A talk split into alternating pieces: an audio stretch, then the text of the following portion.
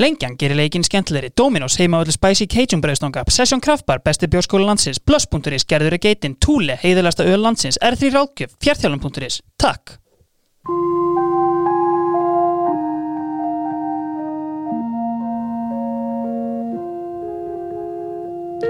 Svona var sumarið er fótboltahlaðvarp sem kafar ofan í hvert fótboltasumarið og fætur öðru, eitt í hverjum þætti. Hverjir sigra? Hverjir tapa? Hverjir hlæja? Hverjir eru með allt lóðbeint niður um sig? Svona var sumarið 93.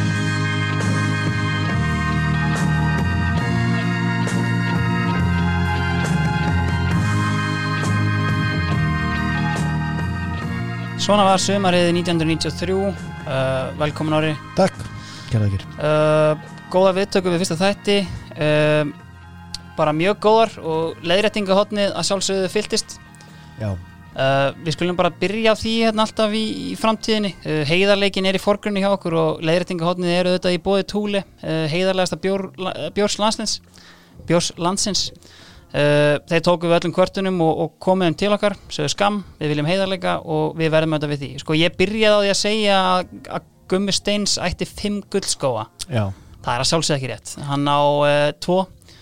Uh, en þú veist leikmaður mótsins og ég stend allt sem ég, sem ég sagði sko. Ég menna Já, já, ég meina þú talaði líka svolítið svona þú varst að tala um pínu niður sko, hann var að eiga off-season og eitthvað en þú svona, þannig að þú kannski hérna vildi gera meir úr þessu það var náttúrulega þessi fræga changing of the guards Jú, jú, sem við jú, vorum hérna í. En allan hann á ekki fimm guldskóa uh, svo það sé á, á hreinu. Síðan sagði náttúrulega, veist, sem er kannski það versta ég sagði að hérna, Vilhjálmur Einarsson væri spjótkastari en það er auðvitað sonur hans, Einar Vilhjálmsson. Uh, Vilhjálmur auðvitað sem Villa Parker kendu við, hann var náttúrulega þrýstökkvari Já, uh, held ég er það ekki alveg pottið það er alveg pottitt, ég held Já. við getum alveg staðvist að hann var, hérna, hvort hann var ekki silfurvelin að hafa á olimpíuleikunum í Melbourne, Já. er það ekki það sem við erum að horfa í alltaf hérna? Sko Melbourne er mjög gott svona auka detail sem já, var já, ekki með sko. triple jump silver medalist 56 í Melbourne, alveg rétt já. Herru, þannig að hérna, ég byrð bara Vilhjálm Darra Einarsson og Sigmar Vilhjálmsson og Þristamúsin og hans innilegar afsökunar þessu en þetta er allavega komið til skila uh, Anna bref fram ég sagði að þeir hefur spilað einhvern neyða ómerkilegan leik uh, nefndi Djurgården uh, þeir mættu auðvitað Kæsarslátten sem er náttúrulega kannski ekki endilega mjög ómerkilegt Nei. en hérna, þetta fór fyrir brjóstið á fólki og hérna og það er þannig frá uh, við bara hvetjum ykkur til að hérna, leiðrétta og, hérna, og senda okkur góðar sögur og hérna, eða viljið fá einhver umræðum um hlutina þá, þá kemur túli því til skila að það er aldrei á senda leiðrétta rángan miskilling eins og þeir segja alltaf. Já, og inboxið hans Jóa skúla á Twitter er frábær staður fyrir þetta held ég. Hann elskar að fá eitthvað þar inn. Hárið rétt, þannig að hérna, sendum við þetta bara þangað eða á, hérna, eða á draumaliðs hérna, Facebookið eða Instagramið, Já. bara finnið hérna, finnið þetta og, og, hérna, og haldið áfram að láta okkur heyra það. Það er alltaf gaman að því. Og, og jafnvel þó að þið séu að hlusta á þetta löngu setna það er alltaf tími til að fara tilbaka og, og skoða söguna sko. aldrei láta neitt segja ykkur neitt annað sko. Nákvæmlega. Herru, ef við förum þá bara í þetta ár 1993 sko, veist, greinum bara tíðarandan uh, við erum svolítið hér. Já, Bó er hérna farin að semja sjálfur jafnvel. Hættur að stela, getur það verið það held ég ekki, þetta er potið ekki Bó og hérna, hann er hérna á gospel tímabilinu sínu sem Já. allir verða einhvern tíman að taka og er hérna að semja plötu og, og þetta er náttúrulega veist, hans iconic hittari, hann á þetta allar rattirnar í þessu lagi. Já, treysti engum öðrum. Um, á sama tíma var pressan uh, hið virta blað gerði greinum mest sexy menn landsins. Ok. Það er aðtiklisverða listi. Uh, Páll Rósenkrans er náttúrulega bara tvítugur eða eitthvað. Og hérna, hann er hérna sjóðandi heitur. Ég heyr einhvern tímann sögu sko að því að hérna, þessi listi var einhvern tímann byrtur í útvarpinu eða eitthvað álíka og, og mamma hans er að hlusta og gargar upp bara eitthvað Páll, Páll, þú ert kynþokka fyrst í maður landsins. Og þá er hann sko, þú veist, vantarlega nýbúin að taka fjögur gig kvöldin áður, þú veist, klukkan þrjú skel þunni bara, mam Shut up Þannig að hérna, þú veist, þetta er svolítið svona bara típan sem að Paul var að spila þarna sko. Já, þannig er hann Jet Black Joe Paul en, en eitt áður nú er kannski hérna, mér langar að ræða Pála eins en, en hvernig er þessi listi er, er þetta bara listi sem að eitthvað blaðamaður er að rissa upp úr hausnum á sjálfum sér eða er Nei, þetta, þetta var, kostning? já, það var hérna, veist, þeir voru að fá eins og við bara svona lesendabref og, hérna, og taka við stemming og, og þarna er, þetta er mér að aldurskipt, sko, þú veist, þarna, en samt er einhver svona ultimate listi og það er til dæmis, uh, já, Jón Baldvin Hannibalsson, Já, uh, 93 já, ég held samt að hann hafi verið að vinna með mjög svipa lúk og hann er með í dag, sko, Ok, ég, sko, hver, hver eru fleiri þarna? uh, sko, eitt svo glæsilegast og minn fyrir nágranni LRB Skram, uh, veist, Jón Baldvin Hannibalsson og LFB Skram. Já. hvaða, hvaða undirleikandi tráma er á bakveðinan lista? Þetta eru, þetta, eru, þetta eru gamlir menn 93 Já, en þú veist, það er samt ákveðin virðulegi yfir þeim og, hérna, og það er greinlega sem fólk er að fara en þú veist, síðan aðrir hérna, veist, Björn Jörundur Já, já. og, og, hérna, og veist, með Páli á toppnu með Balti, sko. Ok, það er, það, það er mjög skilin þannig ertu í hérna góðan gýr og síðan lættist inn á listan hérna Bókamíl Font sem að ég aldrei kannski liti á beint sem mikla kynveru en, en, en kannski svona að ég sé hann einmitt svona 30 árum setna, sko. Já, svona, þá er hann komin í gamlu frænguna en, en, en sko, Páll Rósingrans ég er svo, ég er svo ég er að velta fyrir mér. Mm er hann besta mögulega rýbrand sögunar að því að sko í dag ef ég kemi alveg kaldur mm. af Páli Rósingrans ég myndi kaupa hann sé bara bonafide Philadelphia snillingur alla tíð. Já, born and bred Philadelphia Já. ekki svona setni frelsun sko. Þú myndir halda að það væri folklore að hann hefði verið þessi hérna Já, iconic ég, ég, ég myndi bara svona "Bíddu, Nei, þessi gæi, þessi er náttúrulega bara búin að vera í Philadelphia frá að hann var lítill Já. og var byrjað að spila þrýhóttni og endaði svo bara að syngja. Þetta er allan pottið svona, svona mesta rýbrand held ég, svona sem einhver Já, hefur en ég tekið. minna, þetta er alltaf þekkt minni að þú ferð það overbort í einhverja nótkun á einhverjum efnum eða, eða einhverjum vögva að Guð er faktist það eina sem getur frelsað þig. Þannig að veist, ég, ég að þessi, þetta minni er svo sem þekkt en mér finnst hann bara svo, svo ótrúlega trúverðugur. Það er svo oft sem þú sérð að hérna, að læðist tattu upp úr hálsmálunni og það er eitthvað sem segir það er þekkt minni. Já, það er eitthvað sem segir og kemur upp um sko, en hann er alveg bonafide já, þetta er alveg mjög góða punktur Já. það er það sem við tökum úr þessu. Sko það sem er helst hérna, ef maður flettir í blöðunum á þessum tíma er hérna það er þetta hérna sko að hérna það er bíómynd sem er gríðarlega mikið auglist það er bara veist það er heilsíðu mynd bara og við erum hér. Moggin er að plugga á miljón heyrðu ég veit nákvæmlega hvað Er það ekki það? Þetta er sko, þú veist.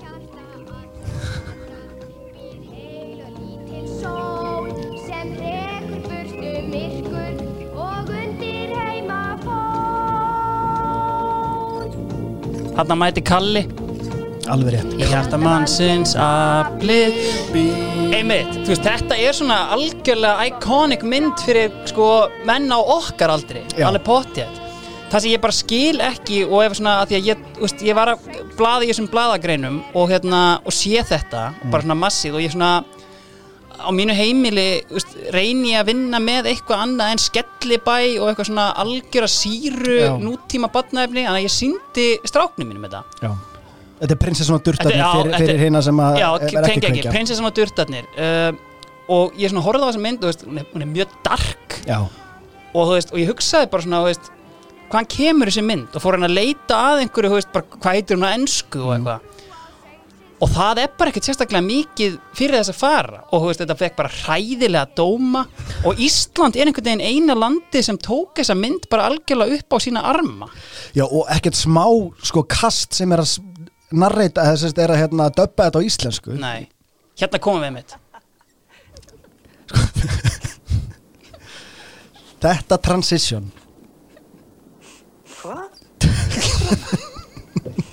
Þetta er náttúrulega ekki hægt er- sko. Því kynning á karakter. Þarna kemur hann syngjandi einhvern mesta slagara sem ég hef heyrt bara hérna í hjarta allra barna bara þvílíkt lag. Já, syngur með þessari mjúku Þú barnsrödd ert ekkert meitt? Nei, ég var bara dálítið hrætt. Svo er hann bara hættur að syngja og þetta er bara ekki Felix hrædd. Það er nefnilega eitt sem skotlanir þóla ekki og það er söngur. Nei, þetta er í engum takt við það sem var í gangi þarna og, og kom flatt upp á menn. Já, og sko þannig er líka búið að taka mynd sem er ykkur indie, ég veit ekki hvað hún er. Þetta er bara, þú veist, hérna, eitthvað stafur utan á heimi. Ég get sagt það, þetta er sem sagt ungversk, japansk framleiðsla. Ég meina, þú veist, þetta er ekki neinstar annar staðar. Nei, og við gjörsamlega valideitum hana Já. með okkar fremstu röddum Já, já. við gerum þetta, við gerum þessu, gerum þessu jafn hátt undir höfði og Lion King og Aladdin og bara Disney hittarar Já. þetta er fallegt og ömulegt já, á nákvæmlega sama tíma Sko, uh, fjölskyldugarðsarmurinn í The Iconic Duo hústýra og fjölskyldugarðurinn hann opnaði þarna uh, Já.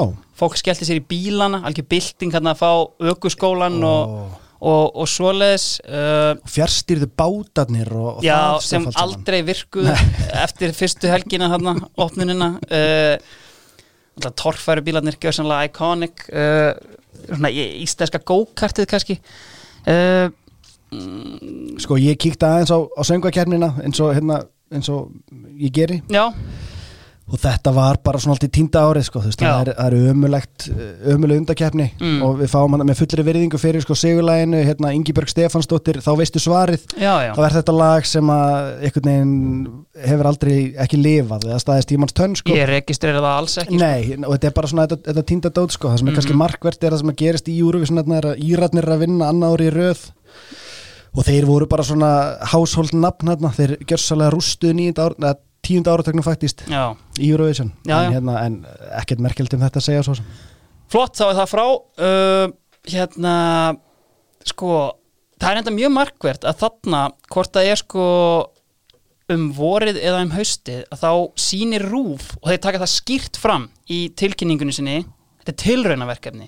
En það er fyrsta útsendingin af Þíska boltan í beinni útsendingu. Ok, það er ég held einhvern veginn að þetta væri eldra fyrirbæri. Ég líka þetta hefur greinilega bara svona einhvern veginn við eigum náttúrulega okkar sögu Íslendingar í Þískalandi, ég meina mm Ásgeir og, og Atli Eðvalds, maður hefði kannski tengt einhvern veginn við það, en þú veist kannski náttúrulega beinar útsendingar ekkert eitthvað grín á þessum tíma, Meini en þetta hefur greinilega bara því að Eyjólu Sverrisson er þarna komin til Stútgart, út hvort hann er Þískalandsmeistari eða að verða það og hérna og það er hérna greinilega bara kveikjan að því að þeir gera þetta. Já, kannski svolítið svona svipa og þegar stötu sport heldur var dotnir í lökubóttin þegar triði sér franska boltan þegar Gudjansson hótti Monaco því lítið lökusbór Ég horfði á kveldleik því líku viðbjöður Herriði, uh, prísísonni, það sem maður myndi náttúrulega segja væri kannski stærsta sem gerist í þessu er að við fáum sko okkar eigin geit á þessum tíma aftur í íslenska boltan þegar framráða Ásker Sigurvinsson. Ok, Uh, hann kemur þarna inn uh, er bara búin að vera eitthvað að njóstna fyrir Stuttgart í hérna, Þýskalandi og, og er náttúrulega bara góðsögn þar. Og einhvern veginn svona, veist, maður lesi viðtölin og þetta er svona eins og hann sé að mæta hérna, bara svona í eitthvað svona, já, bara smá forvitni. Veist, eitthvað svona, veist hann er ekkert hérna, þú veist, það er rísa viðtal við hana sem hann er bara að tala um hérna íslenska boltan og bara að búa á Íslandi. Ekkert sérstaklega hrifin einhvern veginn að þeirri hugmynd. Ok. en hann bara svona einhvern veginn kom hérna og hérna fæ Bjarnar Jó sér til aðstóðar en sem ætla að stektast við þetta er sko að fram árun áður eins og við komum inn á þá í síðasta þætti að Pétur Ormsle fara að þjálfa liðið. Já. Og hann einhvern veginn, veist, það er aldrei talað um að honum sé sagt upp. Hann bara einhvern veginn í já, burtu bara. já, bara Pétur Ormsle er mjög léttu með þetta. Spilar með fram næsta sumar. En þú veist bara allt í góðu að þú veist, það hérna Hann bara rekognesar að það kemur hérna maður og hann bara heyrði, ég, ég færi mig. Já, kannski svolítið svona eins og þegar Arnar Sitt Gesson gat í fyrsta skipti á æfinni ekki sagt neitt þegar Birkir Már Sæfarsson mætti að hitta á stöðina. En, en, veist, en hérna já, en, þú veist, en það samt verður enn neitt changing of the guards, af því að Pétur Ormstöð spilar ekkert. Þetta er í rauninni, hann leggur skóna hilluna hérna, vegna meðsla og, og, Ok. og fara vel Pétur uh, nútíma fótbolti heldur áfram. Uh, þetta komið líka hérna sko reglur um yfirbyða stúkur og það sem að hefur síðan verið síbrotin eftir það og veittar miljón undan þáur Já uh, og þá einmitt er káar stúkan við uh, bara hefur þessi yfirbyða veist, ég veit ekki hvað hefur verið í gangi hann fyrir það sko. Nei, ég sé það alltaf ekki fyrir Nei. Er alltaf okkar tík en þeir allan að segja það bara káar stúkan var við þarna að vera einhver mynd og, og húlumhæ og eflust hoppukastalar og, og góð stemming sko. En liðin eru svona veist, framararnir það sem þeir gera mikið er sko að þeir sækja hérna í þrótabú að því að vikingur ég skil núna alveg okkur einar guðna vildi byrja 1991 því að það er harmleikur í uppsiglingu hjá Vikes þeir eru komnir á gjörsanlega kúpuna Já. og það er eitthvað svona efnahagskreppa hérna. við erum í bölfuðu brasi og ofan á það þá gefur hérna skatturinn út bara einhverja tilkynningu bara football, we're coming for you ok, og bara opnið allt bókald sínið okkur allt hérna, þannig að liðin eru í erfiðleikum og engir í verri máli með vikingar uh, það er sami við loga ný stjórn tekur við logi er rekin, allt í bál og brand. Vikingur missir einhverja átta leikmenn og ráðar reyndar inn kóngin Lalla Gum sem mætir hérna bara og er Láris Guðmundsson Já. og er bara hérna mjög léttur eitthvað, já, já, við tökum þetta á seglunni og, hérna, og er þannig gýr sko. En þú veist, þetta er algjör flótti sem verður hérna og kannski fyrsti maður til að nefna sem fer einmitt í fram og er fyrsti hlutin af Dominos tríónu uh, Dominos þetta býður okkur bara tríó og það er besta tilbóð í matagerinu maður er þrjár úrvalspítsur af matselunir á 890 kall, þið getið valið hverja.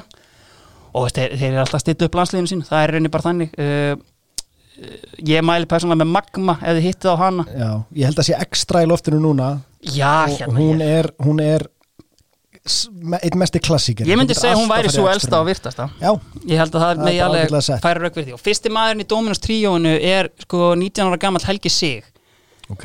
Víkingar voru með hann á skúfusamning uh, og það er sérst fyrsti gerðardómurinn á vegum KSI til að úrskurða um að því að bara fram bara fréttir af þessum skúfusamning bara semið við hann. Nú ert þú lögfræðimentaður Já. ég er layman, Já. skúfusamningur basically bara samningur sem er ekki gerður á staðla KSI form. Ok, þetta er bara hérna high five, puls og kók Mhm. ok, og þessi gerðardómur er mjög sérstakur fyrir þær sakir að í honum sitja fulltrúi frá Víking, fulltrúi frá Fram og oddamaður. Það er sérst alltaf þannig. ok Þú getur kannski rétt ímyndaðir hvernig þessi mál fara alltaf. 2-1. Já, þannig að þetta er yfirleitt þannig að hérna, og þannig var það í þessu tilviki. Uh, Villi Vil Eldri, hann hérna klára þetta bara fyrir Fram og Helgi Sig allan að sænar hérna hjá frömmurum og Helgi náttúrulega var geggjaður þetta sumar og meirum hann á eftir. Efnaðaskreppan kíkti líka á hlýðarenda, ekki í fyrsta skipti nei, nei, uh, nema munurinn kannski á Víking og Fram var rauninni þannig bara að vikingu val. Víking og Val segi var rauninni þannig að valsarar ringdu bara í aðalstjórnina. Bara, herru það er maður brasi hérna. Pappa og mamma. Já, og bara hérna, ok já, Gústi Gilva og Antoni Karl þeir vilja fara, nú byrju hvað er máli já, það er þetta kreppan og, og við eigum ekki neitt og, og hvað vantar mikið? Og það var bara græjað, Já, já. bara millifærsla og allir sáttir og allir sænuð aftur. Baklandi gott. Reyndar sko, veist, missa reyndar hérna, Sali heimi Porsa og Dada Dervis, þannig að það keldu alls ekki öllum. Það var svona, veist, og þetta var veist, það var súrt ára á líðarenda einhvern veginn en hérna meira það eftir. Ég sagði einmitt að Logi hefur rekin uh, hann tók við kvennalandsliðin um haustið. Mittiltíðina var hann aðstofað fram í handbolta.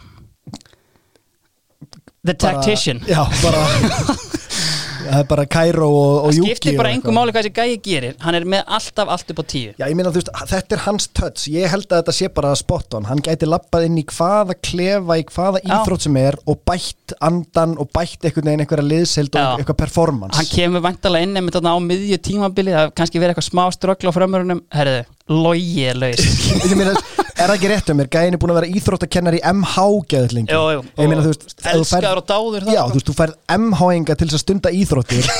Þetta er nokkurn veginn hvaða klefi sem er sem hann er að fara að lappa inn í og, og inspira. Já. Inspirera. En það er líka svona, veist, þessi, þessi uppsögn á loga hafði ekki minna með það að gera sko, veist, að menn nefndis ekki sko. Veist, það er eiginlega búið Gummi Steins er þarna áfram. Uh, Atli Einarsson, það var svona gæi sem hafði gert góða hluti fyrir Víking. Hann fór líka í fram og það var annar gerðardómur 2-1 og hérna, veist, og þetta var alltaf veist, Helgi Bjarnason uh, og, og miljón leikmenn bara sem yfirgáðu félagi bara og Íslandsmeistarlið er bara horfið þarna á einu bretti. Já, sko, uh, nýliðarnir í deildinni voru Keflavík og Fylkir. Uh, kom inn á því síðasta þetta að Fylkir var þarna að byggja bara á sömu leikmönnum og við þekkjum mm veist, frá 2000 liðinu sko. Kitty Tom, Finnur Kolbens, Þorður Dan og hérna, veist, uh, þeir komu upp og brjóta bankan og fá Sali heimi sem á svona að vera þeirra ok Marquee player. Í rauninni sko og ég man sko Sali sagði við mig svo ég vitni í 500. skipti í það viðtal að hérna hann sagði hérna sama og var í gangi þegar hann fór á Selfoss. Það vantaði profa það var hérna veist, og það veist, að, hérna var eitt skúr veist, þetta var svona helsta hérna vandamáli sem að fylgir er ennþá, þeir eru með geggjaða leikmenn þessi kjarni sko vann allt í yngri flokkum Já. en þú veist, það bara svona, það bara vantaði prófa og með þeim kom upp uh, Sonny Kef, Keflavík. Og hérna og þeir eru rauninni kannski koma upp í þetta sko, að ég tengdi Keflavík á þessum árum aldrei við að vera í Nei. og þeir koma bara upp og eru bara eins og liði A-dild, þeir fá sko Gunnar Oddsson frá KR heim. Og það er rauninni bara, veist það er þetta að fá örgulega bara eitt besta leikmann í dildinni og þeir gerðu bara helviti gott mót. Uh, Óli Þór Magnússon, Stormcenter uh, fremstur í flokki í Martaskon Kjartan Másson að þjálfa lið, þannig að veist, þetta er bara svona elvuru keppvísk uh, stemming. Um, Við framleiði alltaf eitthvað. Algjörlega, uh, það var kannski svona helsta á prísísoninu uh, og kannski fórum við meira í hérna hlut og eftir, uh, byrjum bara á fyrsta þriðjungnum. Sko bara alveg rétt það sem stakk mig bara, úst, kortir í mót þá kemur frétt að hérna our main sponsor lengjan, lengjan, lukkusbrengjan íslenska getrunir þeir bara taka yfir deildina Veitu hverju voru aftur árið áður? Samskip, já, já, já, já. alveg rétt mér finnst bara svo fyndið að þetta sé gert kortir í mót einhvern veginn, þú veist, hvað hefði gert ef þetta ekki gengið? Eða þú veist, lága þetta í loftinu? Eða kannski he- heyra bara í einari og fá hann hvort að hann sé með sögun yfir þessu. Hann hlýtur á þekkjuna hann er allan með svona skattfráls og stuðla uh, og hérna, en þetta getur hérna deildin í fyrsta skipti 1993 Káaringum er spáð titlinum uh, og það er svolítið svona allir eðvalds talað um sko helvitis United. Af því að United var hérna búin að vinna sinn fyrsta titil í 26 ár sem var nákvæmlega sama og byðin hjá Káar og þeim er spáð titlinum frekar en skaganum. Og veist, þegar maður skoðar leikmannahópin hérna frá Káar það er eiginlega ekkert sem segir mér af hverju þeir ættu að vinna titilin þeir eru reynda með sko veist, maður sem við komum lítið inn á í síðasta þætti en þú veist, Rúnar Kristinsson veist, hann er náttúrulega bara geitin hérna á Íslandi á þessum tíma. Hann er bara langbestur í, í deildin einhvern veginn og veist, tvítugur bara já, meina, hann, er, hann er bara 20 og úst, fjagra ára. Þú veist, bara Ok. algjörlega bossa hérna. Þannig að þeir eru alltaf með hann með Heimi Guðjóns og, og kaupa hérna Dada Dervits og Tómas Inga, Tómasson frá IBVF hann fer þarna yfir uh, uh, og missa náttúrulega líka Gunnar Oddsson. Og það er kannski svona unsung hero hérna í Vesturbænum sko, gæði sem fekk ekki nóg mikla ást og hérna voru þá önnu lið að missa eitthvað sem að þú veist gerða verkum að, að þú veist þeir voru ekki einn taldir sigurstranglir Sko ég held bara- að hljóti að spila, veist, það er náttúrulega einhvern veginn glórulöst sko að horfa á þetta í dag sko, en þú veist, ef maður setur sig í þessu aðstæður, skaganum, veist, það sem vantalega fælir menn frá því að spá þeim titlinum er að þú veist, þeir missa Arnar og Bjarka Gunnlaugsson. Já bara A og B Basically það er bara Valur myndi fyrir næsta tíma bara missa Patrik Pedersen og Kristinn Frey. já já já Þú veist, bara, veist, hvernig ætlar að replacea það? Uh, en áður en við komum kannski að skaganum, höldum áfram með Káar, þetta er Dominos, Dominos ási, uh, okkar maður, hann heldur áfram með tríóið og hann sagði bara við mig, Joe, uh, Dominos tríóið, Omar Benson, á hverju var hann hann í upphæðu móts 1993? Uh, veist, þekkir Omar Benson eða? um, ekki persónlega en þetta er bara svona nafn Já, fyrir mér. einmitt, ég kemur hann ekki fyrir mig. Ég er svona einhvern veginn með það fast í haustum hans er bróðir Búa Benson. það hlýtur að vera. Ég, ég, þetta, nafn er eitthvað sem að maður svona, ég, ég rugglast oft. Ég hugsaði bara oft var maður bara, Búi Benson, hann er svona káar legend. Nei, nei, nei, nei, það getur ekki alveg verið. En Óma Benson sko er þarna 21 árs, þetta er leikmaður sem að síðan gerir garðin fræga með Núma og Haugum og veist, þannig séð á ekkert alvöru feril kannski, nema bara svona í neðri deildum. En þarna er hann bara geggjaður, eftir einhverja fimm leiki hann komið með fimm mörg, bara talk of the town einhvern veginn, komin í hérna, undir 21 árs landslið þú veist, enda tímabil á að spila átján leiki og skora sjö mörg sem að myndi kannski lúka mjög vel en veist, með að við fimm leiki, fimm mörg þá hefur kannski fjarað undan þessu. Maður sem er komið fyrir í draumaliðinu var frammi hjá mækaranum já, og spilaði með Andragir í IH það sem að maður fengið að vel hittakremaður og í Copa Mundial Já, það var þetta svona, er svona neðri delta hetja já, sem að átti að verið gera þetta er svona ultimate svona ef hann hefði Já, haldist Já, þannig það er svolítið svona hérna, þetta er bara gaurinn sem að byrjar frammi með Tómas Inga hjá Káur í Já. bara liði sem er spáð titlinum sko. þannig að eflaust eitthvað til í þessari svona what could have been Einmitt. sögu sko. ef við höldum áfram uh, þú veist bara svona ferillin á þessu, þú veist, þeir hangali í þessu í upphafi móts. Komin á hann, þeir voru bara algjört fallbissu fóður Ok. á, hérna, á þessu tímabili veist, og hérna í þessi önnur umferð Káar vinnað á 7-2 þetta er bara svona. Já, já. og það var veist, Magnús Sena sko, hérna Óskar Rapp, okkar maður Mhm. hann hérna, hann meiðist í landstekjarliði, bara eftir tvo leiki eða eitthvað, með landsliðinu? með landsliðinu, já, og hérna, þarna er hann sko 21 ás og bara most feared defender í deildinni, bara, Ok. þú veist, ógeðslega fljótur, viðbjörslega sterkur, bara, veist Gummi Ben saði hérna við mig, sko þá bara, manni var alltaf illt illt í líkamannum, hann, hann var svona harðari en aðrir. Og hann er hann, veist, bara basically líkil maður hann í vörninni hjá Káar með, veist, Þormóði og, og Da Dervits ventanlega já, hann sko hérna meiðist þarna og sko þetta stendur bara í MBL hneskilin færðist til, blætt inn á hneð og almennt miklar bólgur í kringum það en hins vegar verið liðböndin ekki slitin svo hann að vera klár í næstu viku þú veist, með þessa lýsingu þá er ekki sjens að hann hefði verið klár í næstu viku það hefur verið sami sjúkriðþjálfur og greindi Sigga Jóns já, gánum fótboltaskip. þannig að veist, ó, veist, hann, hann spilaði ekki mínútu það sem eftir liði mót sko.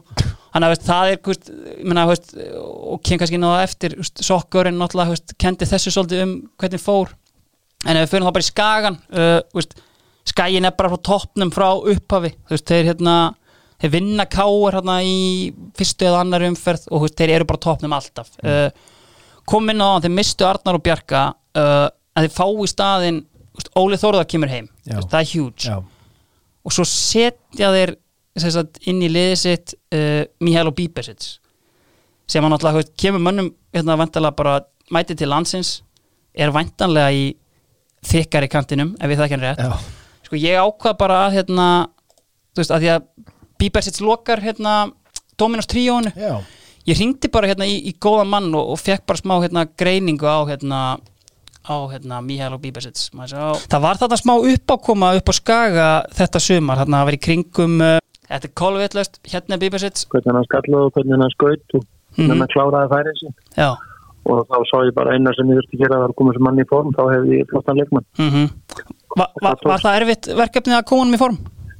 ég það var verkefni, við skulum segja það. Það var, það var verkefni og það var það var, það var við, viðvarandi verkefni því að það þurfti haldónum verðni þú þurftir að hafa fyrir haldónum í góðu formi en þegar hann var í góðu formi þá var hann líka gríðarlega góður leikmaður og hann var rosalega mikill mikill þáttur í okkar velgengni og hann var mikill liðsmaður hann ekki og, og stóð sér feikilega vel fyrir liðið Þarna heyrðu við Guðjón Þórðarsson lýsa hérna Mihailo Bíbersits það sem hann náðist ekki í þessu ég ringdi í hann hérna á hann og ég ítti bara á rekk of seint. Og það sem hann saði mér fyrir ég spurði bara hérna veist, hvernig komaði bara fyrstur í sjónu hvernig svona dattir í huga að þetta væri leikmæðin sem þú þyrtir ég tók hann nýra aðingarsvæði fór að skjóta á hann nokkrum boltum og, og bara að sjá hvernig móttakan var dundraði nokkrum boltum í hann.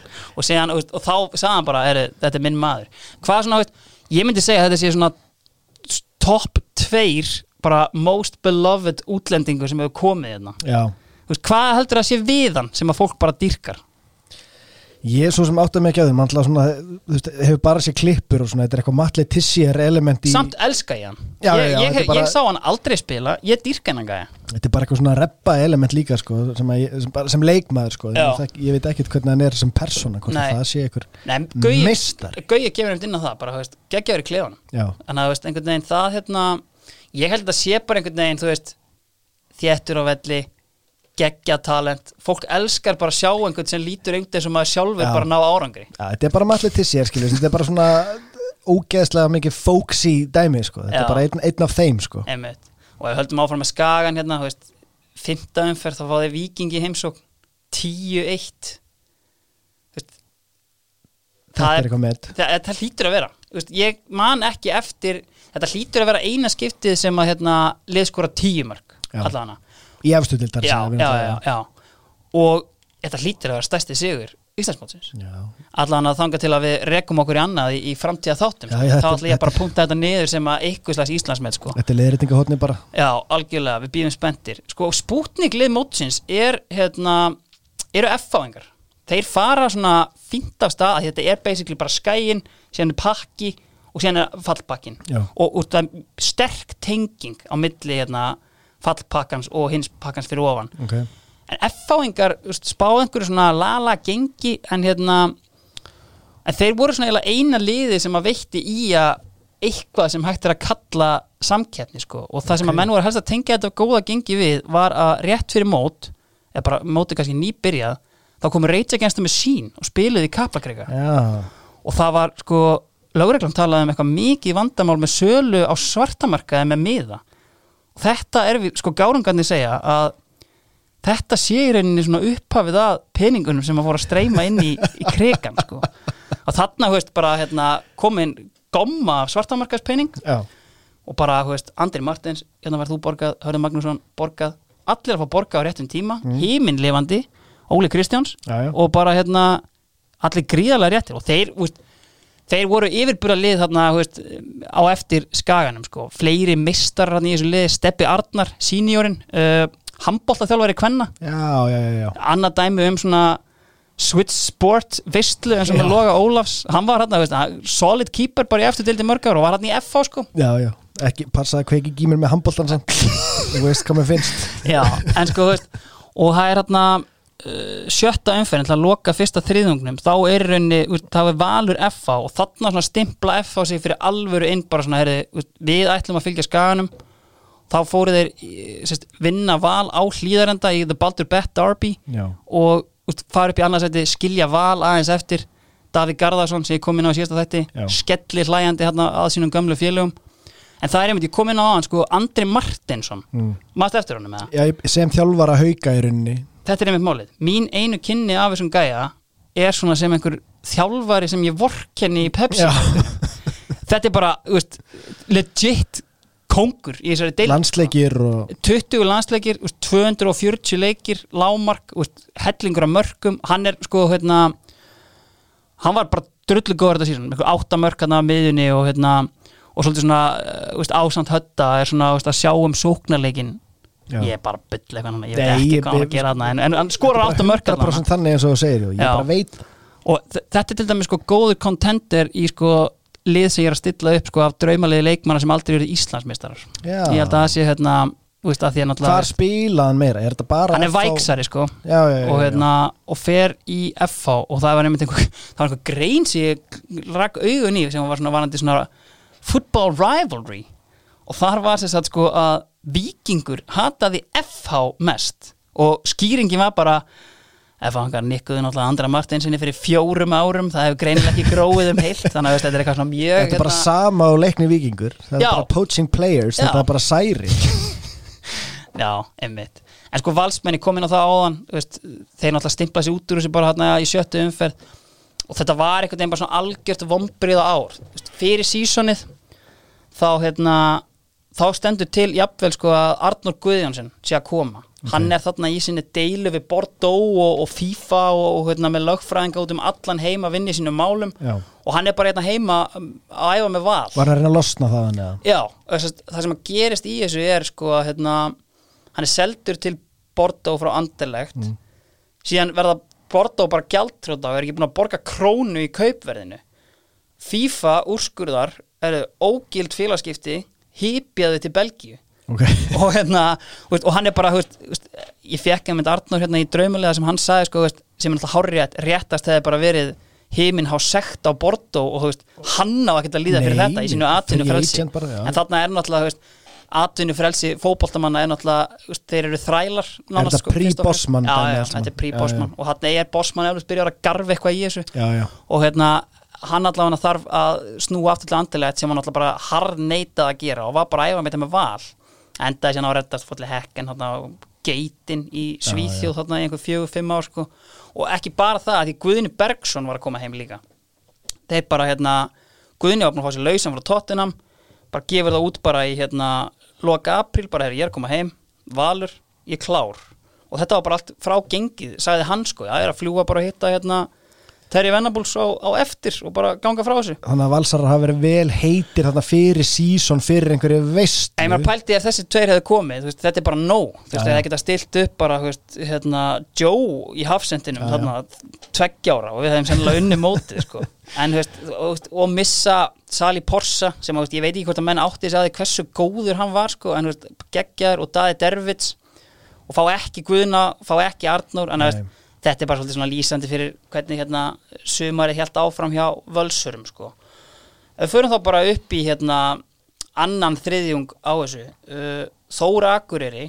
Spútniklið frá Spútnikliði frá því ári áður. Já, já. þeir höfðu mist fyrrum hérna Dominos 3 og kongin Bjarnar Sveinbjörns sko, hann sem var aftur pappi Birkis Bjarnar já, já, já, hann hérna hann fyrir til Vestmanneja á einhvern svona mjög erfitt að útskýra einhvern veginn í dag sko, hvað hefur vakað fyrir honum sko.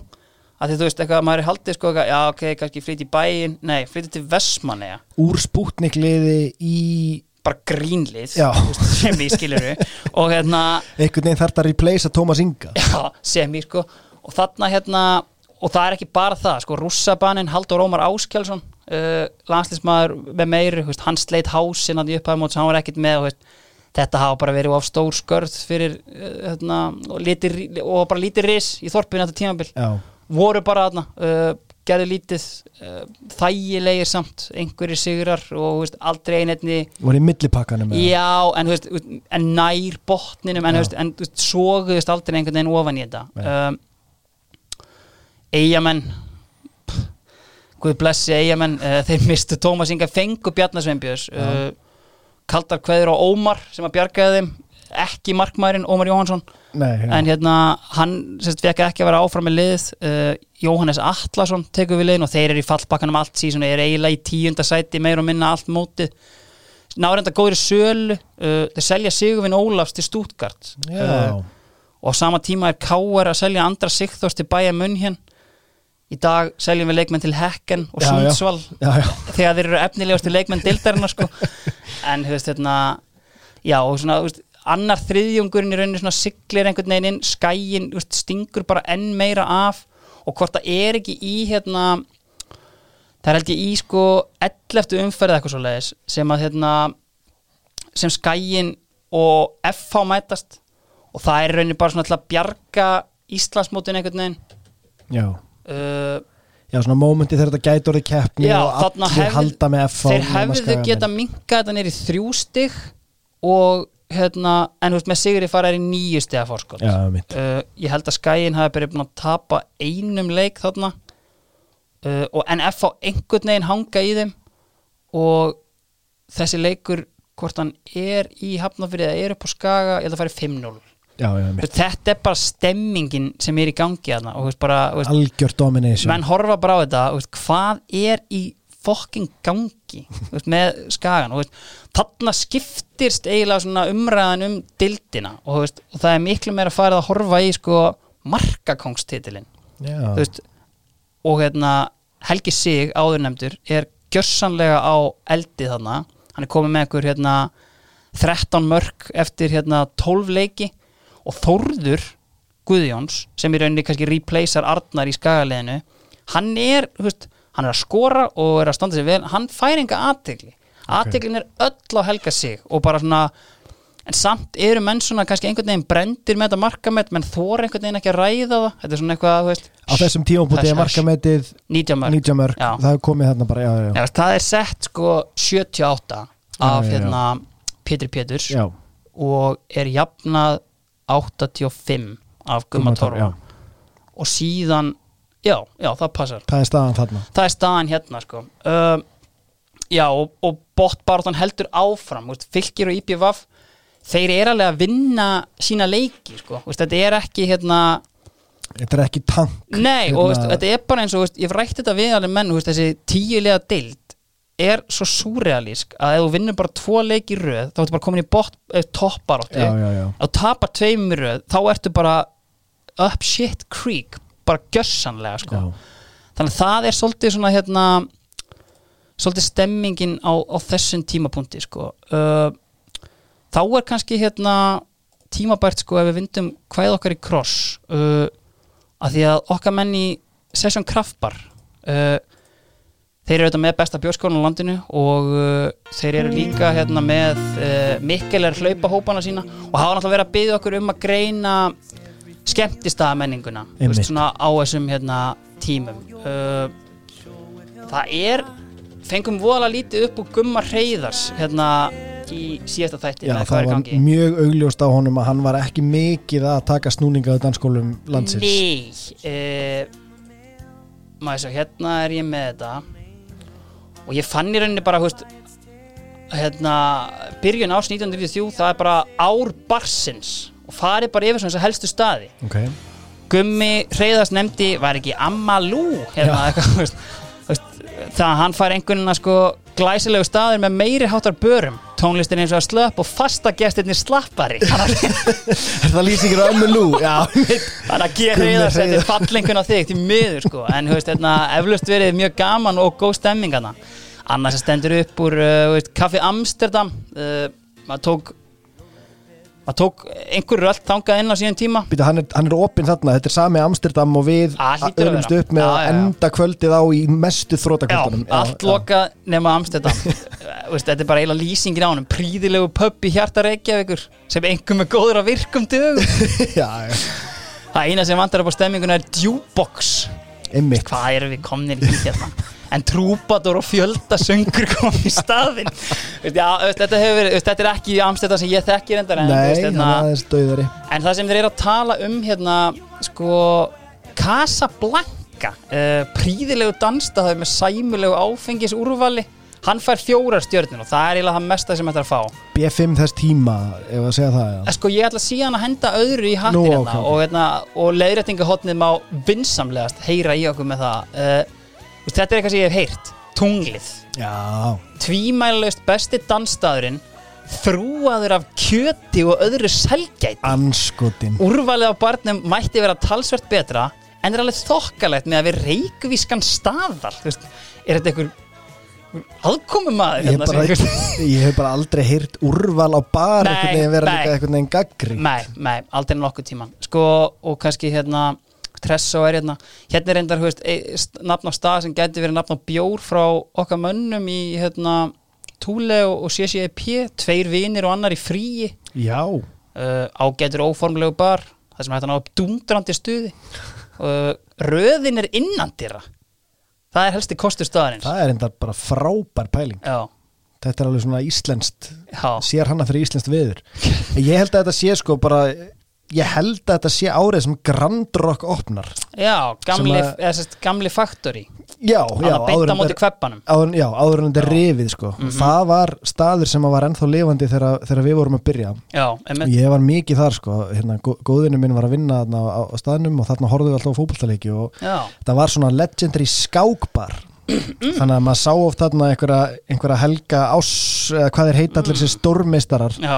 Etja að kapi með, hérna, með ölu hönd og, og svona unofficial leikir. Já, svona Já. svita perlurnar alveg dropa og það er hérna verið að hamri klukkurnar og Já, já, já. virkilega gott stöf sko. já, já. Uh, kannski ekki mikið meira en þess að yfirferð að segja. Uh, Solon Íslandus hlýtur þetta ekki að vera Solon prí, prí, svo stittaði nafnið. Já, já, Staðurinn ætti fremur að heita Salon Islandes og er atkvar reikvisku menta eilitunar.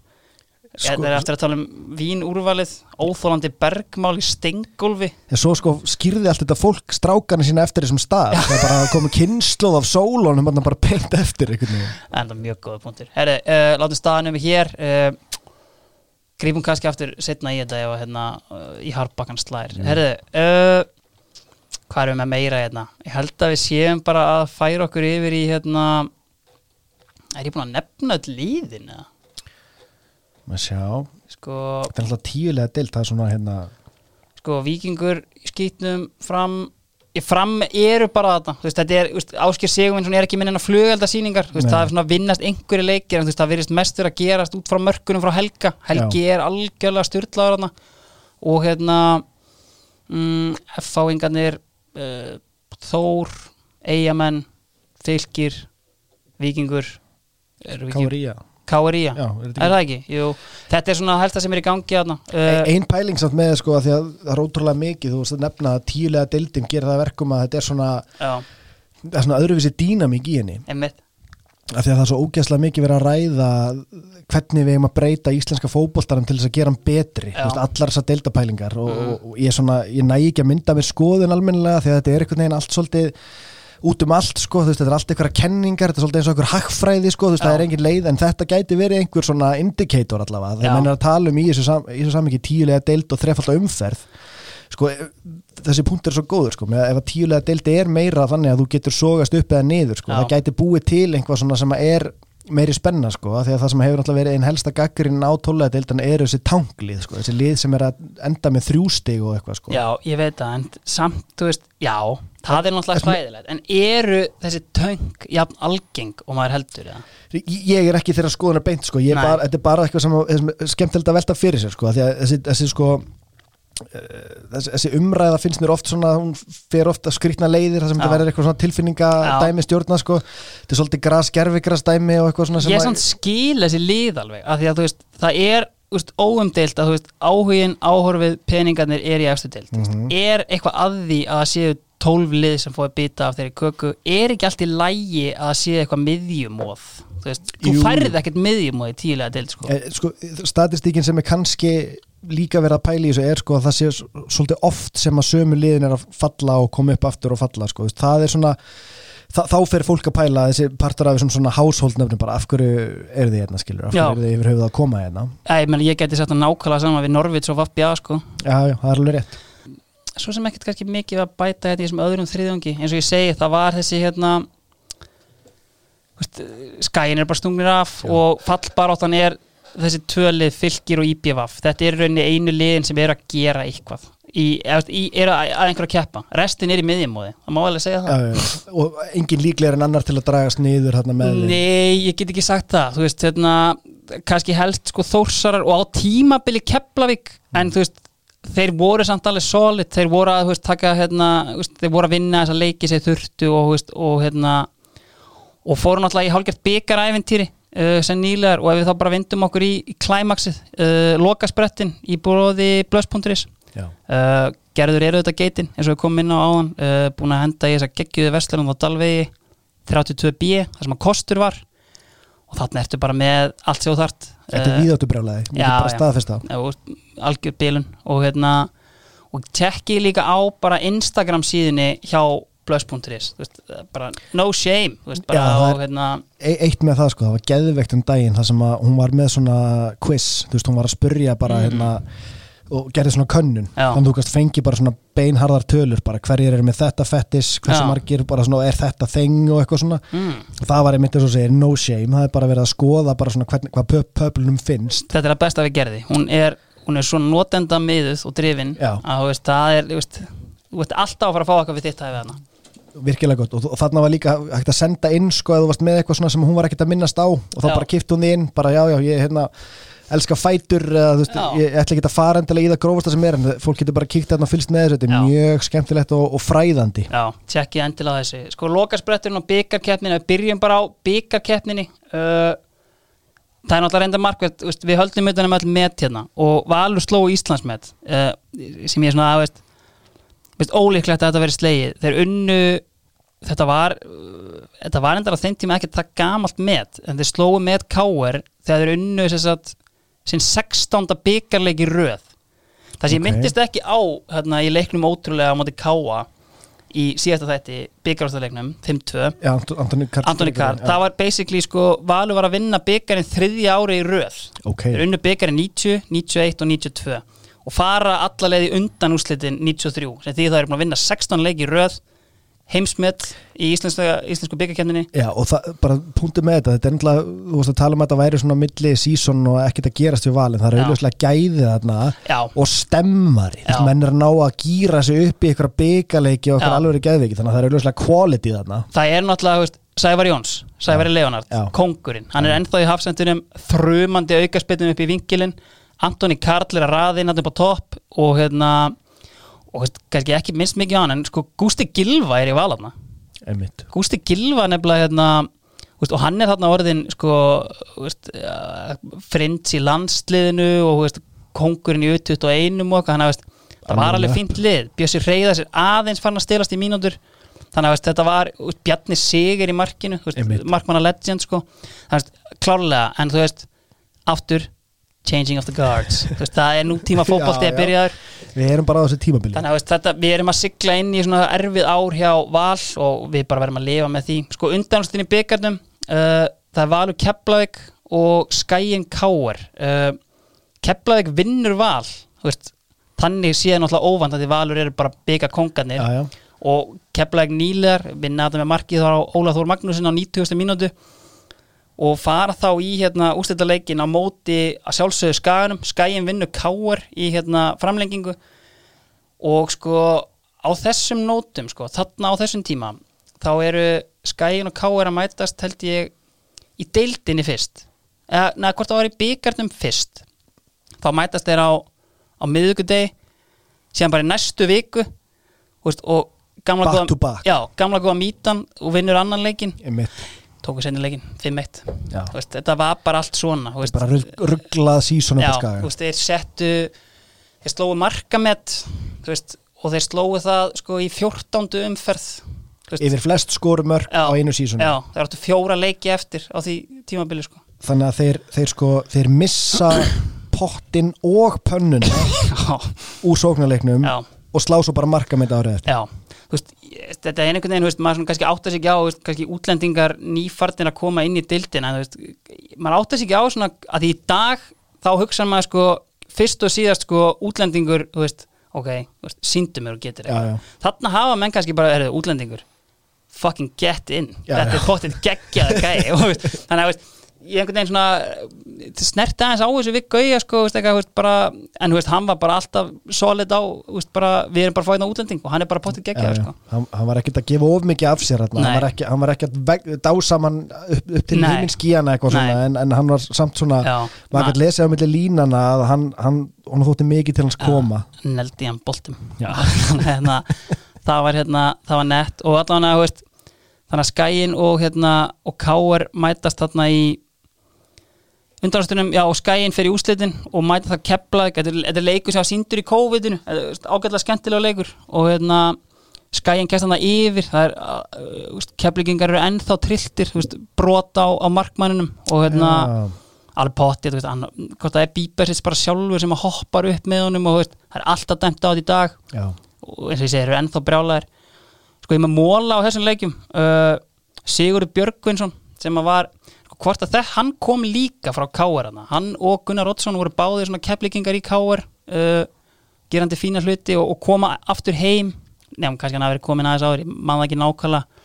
Hann er að tapa hann að sínum sjötta byggarústaleik sem er alveg, veist og engan unnið? Nei, Nei. aldrei unni byggarinn Ok. búin að spila sex úrstættalegi og tapaði með öllum. Þú veist, bara hats off fyrir að nenna þessu, Já, blessaði kallinn sko. Þetta er en eitthvað svona ballagdæmi basically já, Þú veist, en það er annar merkilegri móli sem að fólk má alveg punta niður í hausin á sér fyrir hérna, pubquiz spurningu sko. Við erum með fyrsta útlendingin til að skora í úrstættaleg byggarsins Marko Tanasic. Ok, Já, keplísk hetja koma það til þeirra í fyrstu deildinni nei, ég sérst í B-deildinni. Og hérna ég held að hann hafi ekkit, eða, hann var geggjaði þar sko, en veist, ég held að hann hafi ekkit verið eitthvað brjálæðislega góður sko í, en, en sko nú, nú veit ég ekki hver sagans er en er Antoni Karl Gregur í fættur á Íslandi eða? það held ég. Ok, ok, eða, þú veist, hann, er, all- veist, hann, er, hann er Íslendingur sko, já, já, já, ok. alveg potið sko. Hendi á mig leiðrættingu skil, skilgrinning þess orðs er náttúrulega hérna opinn, skilur, þú ert Íslandi góð með íslenska ríkisborgar rétt, sko, en því að við er erum að tala um deildina á þeim tíma að þar sem þetta er svona breytast, hann sko. er hérna, hann er alveg Íslendingur bara, veist, alveg alla leið held ég Ok, sko, eða veist, hefur það komið ungur eða eitthvað svoleið sko, hann veist já, Marko Tanasic er allavega fyrsti útlendingurinn til að skora í ústæðileik byggasins uh, og leikmaður útlendingur nummer tvö bættist í sarpin í sama leik þegar Bíbersic skoraði sko. Uh, það er byggarinn uh, kannski með káar Sorry, þannig að skæin taka byggarinn bara þægilega já, þarna, já, já, já, in the end bara, veist, og þannig er þið konni með hérna, þetta var sko ótrúlega vika fyrir kannski eftir smá sko að, hérna, en K.R. er náttúrulega í alls konar brasi, myndist á aðan þeim að spá titlinum. Uh, en þú veist, það er bara allt í volega þarna, Óskar Hrafn er með nýjaskilina sína þarna bara í sko hlýðunum og hann Já, býr í vesturbænum. Það er uh, aldrei gott heldur þegar Óskar Rafni er spáð titlinum. Það er, nei, það veit ekki á gott. Nei. En sko, þú veist, sokkurinn er rekin þarna, Já, og svo er við með, það er hérna gaurinn sem að er prófessor. með æðstu gráði knastinifræði frá háskólanum í Slóveni og hérna, Slóvaki, annarkvort og hérna, hann er hérna, á, veist, seint kannski svona, hvort það er eftir bara káarleikin, þess að ég tapa hann 5-0 Já. uh, og þú veist, hann fyrir að veist, hann bara lætur gamin geisa veist, bara hvað Ok. vantaði Óskar Hafni meittur, líkilmenn meittur síðan fór hann út í sko, einhverja sálma með einhver agaleysi og svona í liðinu uh, þátt að vera einhver æfingaferð fyrir undanástaleikin í byggarnum Nei, hún var ekkert að mæta að, ég nefni ekki nöfn en Heimir Guðjóns var settur út úr hóp hann nokkur setna en hérna veit ekki hvort hann hafi verið erfiðar en aðri sko, en, en Sokkon er rekin og, og Janus Guðlaugsson uh, hann tekur við og klára sísoni sko. uh, Janus náttúrulega létt legend, hann er ekki líka svona handbólt og fótbólta hérna, þetta er ekkert að spyrja þig kannski að því ég með, ég með hann sem svona hérna eh, svona UEFA Pro þjálfara, þess að svona gæi sem að ef þú ætlar að verða, fá einhverjar aðstu gráður hérna heima, þá er hann einhver tengiliður eitthvað svona já. þjálfara legend svona innan, bara þú veist, aldrei gert þú veist, í seinni tíð sko, þú veist, er Já. ekki að þjálfa eitthvað lið og eitthvað svona, en ég held að hann sé svona inn í KSI menginu einhvern veginn ég, ég Já, held sé að fara með þetta er eitthvað allan að einhver algjör geit sko, þú veist, Já. hérna, PhD gráðu og hérna, þú veist, bara í geggjum kýr hann allan tók við og þú veist, létt einhverja stemmingur svona einhver, einhver loga taktík skilur og hérna, að því að þú veist þegar sokkarn er rekin, þá er þið sko nærði að vera að sogast í einhverja botbaróttu þú veist, heldur en ekki sko, en veist, það er samt aldrei neitt, neitt stress sko. En sko botbaráttan sjálf en náttúrulega hérna í algleimingi, sko í í 14. umferð eins og ég segi þá er þetta spurning hvort að veri fylgir að IPVAF sem að fylgir hörmulega vikingsliði niður. En allt í hennu fer sko vikingsliði nefnilega að að taka einhverja punta. Þeir vinna val og sko og fylgir mæta þeim og þeir tapa held ég í sko 14. eða 16. umferð og það bara setur allt í háloft þá eru eigamenn svona aðeins komnir á bragðið og ná einhvern veginn að hérna að jafna þá en sko máli er að hérna ég myndist í síðasta þætti á, á Bjargvættin Já, Martin Eyjólfsson Hinn eina sanna. uh, hérna ráðnendistjóra utanríkisöðanetsins handhafa stórrittara kross Þískalands og fyrir sendi herra Íslands í Þískalandi skilur, en hann Já, er já. fyrst og síðast Bjargvætturinn og ég sko gati ekki annað gert en að heyra bara í Martin að því að Martin, þú veist, skæin jari jari, en þú veist, geit þessar að tvekja tímabila er rauninni Martin Eyjólfsson eða Martin Eyjólfsson og hérna ég sló bara á þráðan til hans uh, ég held að þetta samtal byrja einhver staðar sem hann er að rifja upp uh, sumari 92 ég fekk hann bara aðeins til að garfa í þessum síðasta leik sko sem hann er bjargvætturinn. Og við bara fáum það í gang hérna bara svona, svo við rifjum upp fyrir, fyrir hérna almenna hlustanda. Já. Martin Eyjólfsson, hann rettar IPVAF í loka umferð með einhverju legendir í marki. Já, sko máli er þetta er kallað The Great Escape í Vestmannheim því eftir 15 leiki þá er þið með 7 stig.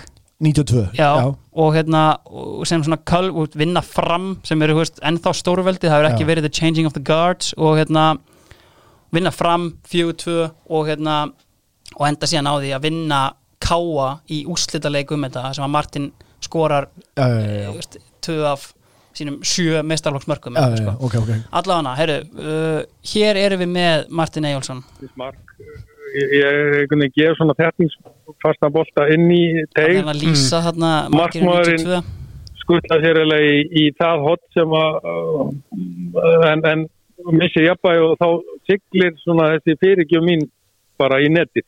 Og þeir jafna og, og hérna og þá er einhverjar og síðan þess að skora ég sig og markið eitthvað tíman þarna, ég man ekki kannski 5 minútur eftir eða eitthvað Já, svoleiðis, ég man ekki alveg á 80 og eitthvað mínútur sko. Mhm. það fagnar allir beint eftir leik og eitthvað svo, þá held ég að þessi búið að flauta af hinn, hérna, vikingatir unnu, breyðaflík, þannig, að- þannig að það var, það var þetta hérna 90 Það sem maður líka pælir í svona, veist, á eigu eins og vestmanni hvernig eru viðtökur hjá bæjabúum þegar maður afreikar eitthvað eins og þetta að bara í rauninni halda félaginu uppi veist, þú lítur bara að hafa verið kongurinn á eigunni hérna í einhver tíma. Já, já, þetta var náttúrulega, það voru, hérna, maður maður faðmaður og kistur bara hérna. Út um allan bæ, hérna. í vantilega langan tíma á eftir Þetta, Já, já. já, þetta var bara, hérna, þetta hafði náttúrulega bara mjög mikið, sko, það er nú kannski svona fegurinn við þessar íþróttir að þetta hefur mjög mikið með svona bæjarmóralin að gera. Algjörlega. Og, og hérna, og bara hafði og maður fann það, sko, hvað, hvað það var dýrmætt, sko, fyrir, fyrir, fyrir fólk, sko, að bara eiga liði eftir til. Þannig að fengum við 92 söguna. Já, og hérna þú veist, eins og eins og hann sagði bara, þú veist, bæjarbúa náttúrulega er bara kissan og kjassan þarna ennþá bara þegar mótið er að byrja 93 en það sem náttúrulega, þú veist, ég er ekki búin að segja þér er að árið 1903 þá gerir hann þetta nákvæmlega sama. 93 Já. í, í bóttbaráttinu Já, það er aftur ja, þegjum bara, ég ætla bara að leifa hann að halda áfram hérna. Spólum þá bara hérna fram í tíman og það er bara hérna aftur árinu eftir finnið ykkur svona í þó aðeins skárri málum svona kannski hérna fyrir lokasprettin þið eru þarna, eru alltaf við fylki en svona, veist, þessar síðustu tvær umferðir, hvernig svona hérna horfir þetta við þér? Sko þá erum við að keppa, þá sem sagt var smá senkun á uh, leiknum í 17. þá voru sem sagt 18 umferðir Já, já. og, og, og hérna og þá er smá senku við, það er óvart Mm sem sagt og okkar leikur hefst uh, klukkustund eftir uh, leik uh, hérna fylgis og fram í árbænum. Já, og fylgir vinnur fram að með minnir 3-0 passar. Í hálfleik þá vi, vi, vi, vi, vitum við það. Mm en sem sagt þannig að en sko fyrir leikin og, og, og með þeim úrslitum þá eiginlega erum við sagt sko við, við erum sko í, í þeirri stöðu er, er fylgir sex stigum yfir okkur Emmett, og sennilega einhverjum 7-8 mörgum í plú já, við sem sagt náum að vinna viking 9-2 Já Sko það sem að menn kannski, er- eins og við erum búin að fara yfir kannski í þettinum að þú veist, Víkingur var ákveðið svona fallbissu fóður hérna á þessu tímabili svona þegar þeir tóku sér til en ég hef til dæmis fengið hérna Kristinn Tómasson til mín í, í spjall í, á, á öðrum vettvangi og, og hérna og hann vildi nú meina og fylgismenn gera það ennþá þetta í dag að það hafi verið einhver bröði tabli þarna, gefur eitthvað fyrir það eða? Nei það, það hérna ég kannast maður náttúrulega ekkert við það sko, Nei, nei. og hérna og þeir eru alveg sko, þe- þetta er bara einhvern veginn af þeir leikum það sem gengur allt upp já, Já. okkur auðvitað hafa þeir kannski mist móðin í hálfleik sko. Já, já við vorum þó að vinna ég held að maður vinna 3-0 í hálfleik mm þannig að sko við vorum og, og þá, þá hérna sko þá voru þeir heldur ekki uh, fallnir uh, vikingarnir sko. Þa- þannig að sko þeir áttu sjens líka Mhm. þegar að, að, að hérna sá leikur hefst já áður en að fylgir er búið að vinna væntanlega já, áður en að fylgja búið að vinna þannig að síðan getur nú kannski verið að þeir hafa eitthvað mist móðin en auðvitað eru þeir sko þetta þú veist, menn eru náttúrulega að reyna að gera sitt besta auðvitað, auðvitað andlega auðvitað er, er, er það kannski ekkert frábært að hafa vita, vita menn séu fallnir sko. Mm en eh, þá á móti þarf allt annað að ganga upp sko. Og, og, og, hérna og það var einhvern veginn bara þannig sko. En, en auðvitað hefur þetta áhrif og eftir, þann, sko, eftir þetta mót var reglunum breytt. Mm þannig að síðustu þrjár umferðirnar þurftu að fara fram á sama, Sama tíma. Já, Við mætum þá fylgismönnum í síðustu umferðinni í eigum já, og, og, hérna, og þá í raun og veru nægir sigur. Þess að þá í raun og veru jöfnum við þá af stigum. Mhm. Og, og komust þá, þá fá þeir á sig eitt mark og við skorum eitt Einmitt, og sveiflan. á einu marki yfir. Emmett þá en við erum jöfnum á stigum, sko, á stigum. og ég meina að þú skorar auðvitað markið þarna bara nánast í uppbóta tíma eins og ég spurði þið áðan sko, veist, hvernig er það ef maður hérna, heldur félagsinu uppi veist, hvernig er það þegar maður gerir það tvö ári röð veist, eins og þegar þú mætið til eiga í dag er þetta bara rauði dreigillin í kvítutjöldunum á þjóðatíð og, og frýtt að drekka á 900 bar er, er það alltaf sömu höfðinglegu móttökurnar? Já, það má nú bara eiginlega segja það satt þetta að segja sko, maður hérna ég hérna maður er svona hálf feiminn sko, eiginlega bara endan dag í dag sko, menn, menn þú, nefndir þetta bjargvættar nafn sko, maður hefur nú alltaf verið og ég, ég nota það nú ekki og hef aldrei gert sko, en, en hérna, maður verður alltaf hálf feiminn sko, við, við það sko, en, en en uh, það er fólk sem er ennþá að hitta mann og, og, og segja mann eiginlega hvað það var start þeir sem voru ekki á völlinu segja svona hvað þeir voru startir heima og hlusta á lífíkun þetta er svona eins og þetta er eitthvað svona Kennedy moment hvað hvað varstu þegar Kennedy var skotin sko? Hvar varstu þegar Kennedy var skotin Hvar varstu þegar Martin Eyjólfsson bjargaði IBVF aftur? Þetta er Íslandsmetið, það ekki? Er Jú. Íslandsmetið í því að bjarga liðin Jú, ég meina, geggjaða gæi og bara gaman að veita um þetta plattform hérna, að minna fólk á þetta þessa snild sko. Já, ég minna, þetta er, þetta er galið. Það er bara þannig. Það er einmitt sko, maður langar að koma líka inn á það. Það er hérna leikur í hérna 15. umferð, þá mætir fylgir skaganum. Það er létt mögnu sinna þar. Veist, þetta er bótbaráttan er bara í gjörsömum feeling. Og Björn Einarsson uh, fyrir um frambjóðandi til formans KSI uh, Eitt snirtilegasti maður Íslands Já, glæsilegur, hérna, geitin í hérna, TFG og bara fyrir formaður Vikings, held hann sé ekki lengur Nei, er hann ekki eitthvað komin upp, upp stegan eitthvað Jú, bótti, eitthvað? hann er að spila með fylki hérna á þessum tíma sko, og hérna, þegar hann er líka í fræðinni, viðskiptafræðinni í háskólanum, það Ok. er bara próf og hérna þannig að hann þarf að taka þetta próf uh, og það er ákveðið samt að fljúa honum í leikin Þú veist, reyfur að vera einhverju upptökuprófi samt Það er mjög sumar hann já. Já, en sko pælti líka í því bara, veist, ég vissi ekki að væri flugvöllir upp á ska, eða, ég velti því fyrir mig bara, hm, en þú veist, náttúrulega göngin ekki opnið og þú veist, það er ekki hlaupið að því að komast þarna kannski á þessum tíma, sko já, já. allavega, það er allavega, það verður úr að hérna, Baldur Bjarnason, kantmaður liðsins hann á að fljúa með hann og hérna veist, ég vona svo innilega að hann hafi verið mittur ég er ekki í hóp allavega í þessum leik sko. Og einhvern veginn, þú veist hann er bara drolla í prófinu og þeir bara mæta seint í leikin, hann átti að vera í byrjunarleginu en er á bekknum og kemur ekki inn á, hann er money well spent í flugvila bensíni, en þú veist svo geðveik pæling svona, veist, þeir eru tveir þarna, Baldur Bjarnar algjör líkilmaður í liðinu og eitthvað, þú veist, kannski ekki fara að spila en þú veist, að vera, veist, maður þekkir þessa tilfinningu að vera að skýta á sig og leggja allt og sent að stað að keira eitthvað já, já, það moment einhvern veginn í flugvél. Kennst aðeins hraðar við, við erum ekki að fara að ná þessu sko. Þetta er allan að hérna, allan að, hvað er kortir í leik.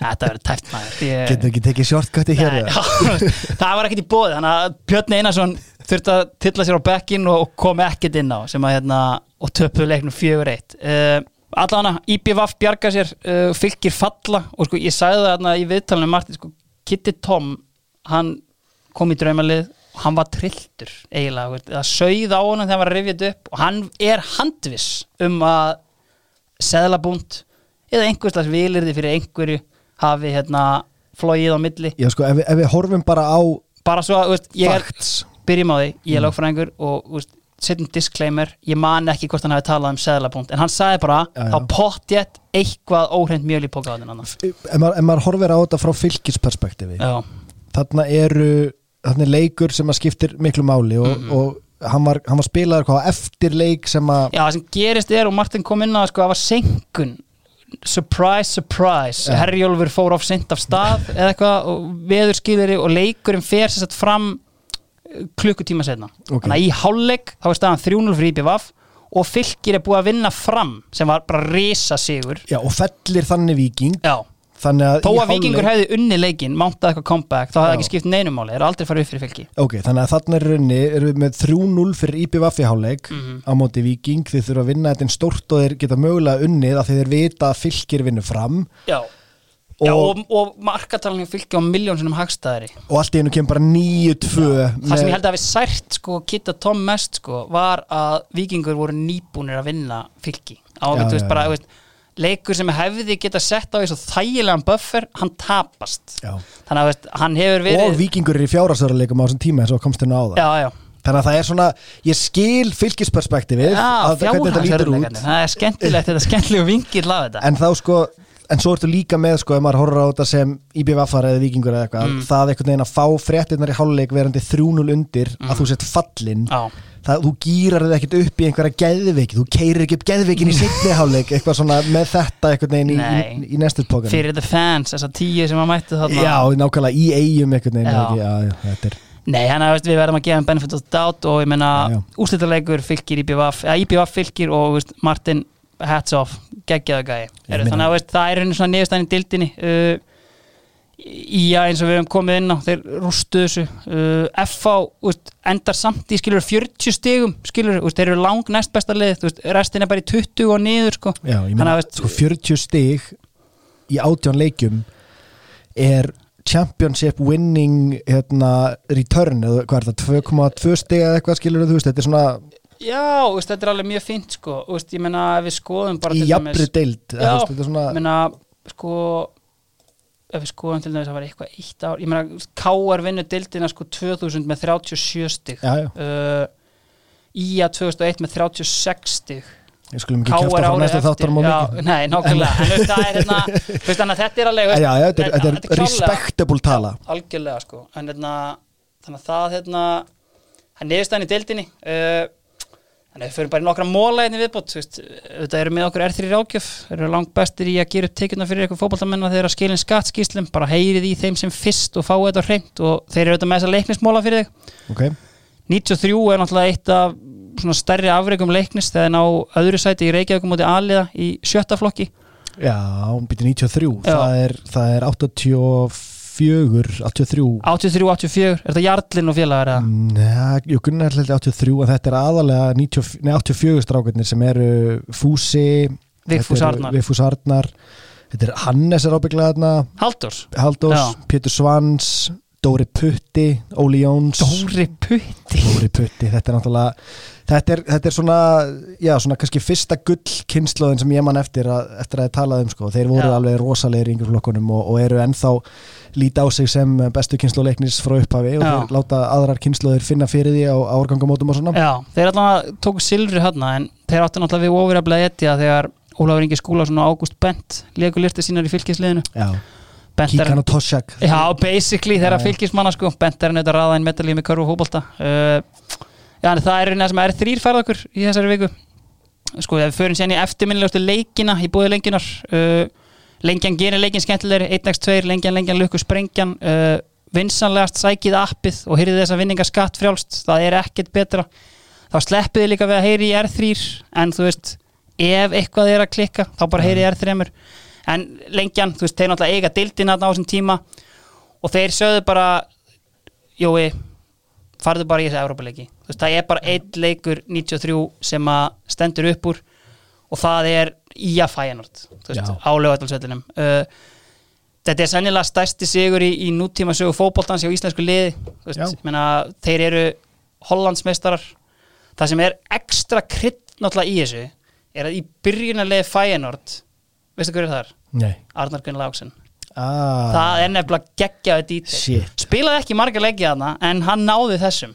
Ok. Og hérna, veist, hann nefnilega veist, hann byrjaði nefnilega veist, þetta veist, hérna, hann var í startinu í svona, hérna, þeirra samfélagsskildi skýta tapja á móti Ajax og, hérna, og byrjaði þennan leik sko, og svona aðeins að Hallunda fæti eftir það.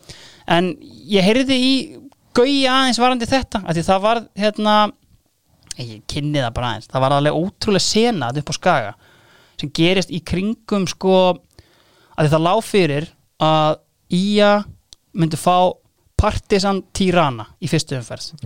Ég rúluði við það, það var ekkert mál. Uh, og þeir mættu þeim á einhverju svona senu þar sem þeir slóðu káir út úr byggarnum rostuðu káirarni í dildinni og spiluðu svo við Partisan þetta var bara veist, allt sem þeir snertu breytist í gull. Já, fyrir undanústaleikin í byggarnum þá mætti upp á skaga uh, maður að nafni Roland Galash uh, rústneskur eðlisfræðingur sem að hjekk bara upp á skaga í tæpa viku.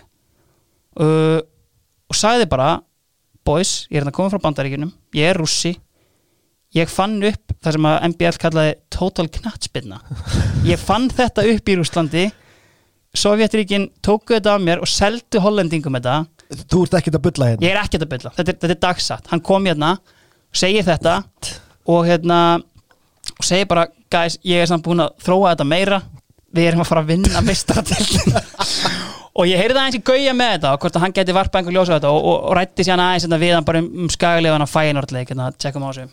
Smá uppákoma upp á skaga þetta sumar, hérna að vera í kringum uh, um byggaleikin ykkar hérna við káar í undanúrslitum að þá mætir rústneskur eðlisfræðingur uh, og segist alltaf einhvern veginn selji ykkur hugmyndana um hvernig þið nánast bara vinnið Evrópukeppnina. Manstu eftir þessum manni og áttir einhver samskipti við hann? Nei, ég átti nú lítið samskiptið það. það var nú svona förðu fyrir eitthvað sko og ég vissi aldrei hvernig hann nú þetta þessi þessi þessi, þessi, þessi orkup í huga hann var að reikna sig í gegnum þetta og, og þetta átti alltaf að vera á líkindum en ég hafði lítinn tíma fyrir þessa vangaveldur og blandaði mig lítið í þetta. Nei, en var hann alltaf lengi? Var hann, þú veist, einhvern veginn fjölmjölar virðast svona eins og hann hafi verið skoppandi um æfingarsvæðið í einhvern tíma? Þegar hann kom á með daginn og, og hérna, ég gaf lítið fyrir þetta og, og hann reyndi að ná tali að forraðamennu félagsins og, og mér með annars en, en eins og ég segi, ég gaf, mér, gaf lítið fyrir þessi þræðans ég, ég, ég er ekki svona Nei.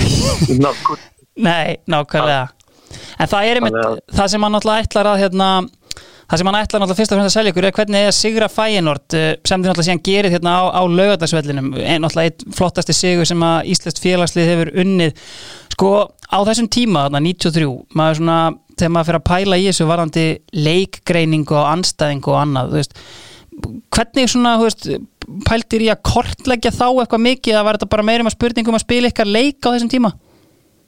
Ég fór og sá að spila eitt leik úti í Hollandi. Mm og ég sá að spila við einhverjum nakkbretta Já, og ég sá þann leik og, og ég svo sem gjörðum grein fyrir því að þeir væri rútinera lið og spiluðu með ákveðnum formerkjum. Já, og það var meiri tíma varðið í það að stilla saman okkar lið og, og, og við halda því sem við vorum að gera og töldum okkur vera góð í. Þetta einmitt kemur hann inn á þetta sko að, veist, furðu fýr uh, Ég sko, mér finnst ógeðslega merkjað að heyra bara svona svart á hvítu að því þú ert búin að tala um changing of the guards svolítið sko.